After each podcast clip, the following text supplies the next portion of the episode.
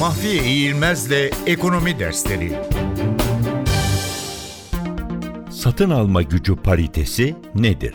Satın alma gücü paritesi ülkeler arasındaki fiyat düzeyi farklılıklarını ortadan kaldırarak farklı para birimlerinin satın alma güçlerini eşitleyen bir değişim oranını ifade ediyor.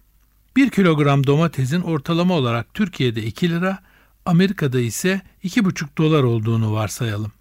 Bu durumda yıllık geliri 10 bin dolar olan bir Amerikalı yılda 4 bin kilogram domates alabilir. Aynı miktar domates alabilmesi için bir Türk'ün yıllık gelirinin 8 bin lira olması yeterlidir. 1 dolar 2.9 Türk lirasına eşit ise Amerikalı'nın geliri 29 bin liraya, Türk'ün geliri ise 2760 dolara eşit olmaktadır. Amerikalı Türkiye'ye gelir de parasını Türk lirasına çevirirse bu parayla 14.500 kilogram domates alabilir. Buna karşılık bir Türk Amerika'ya gider de parasını dolara çevirirse bu parayla 704 kilogram domates alabilir.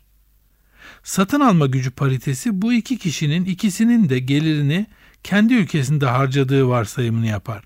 Bu durumda Amerikalı 10 bin dolarıyla Türk ise 8 bin Türk lirasıyla aynı miktar 4 bin kilogram domates alabilmektedir.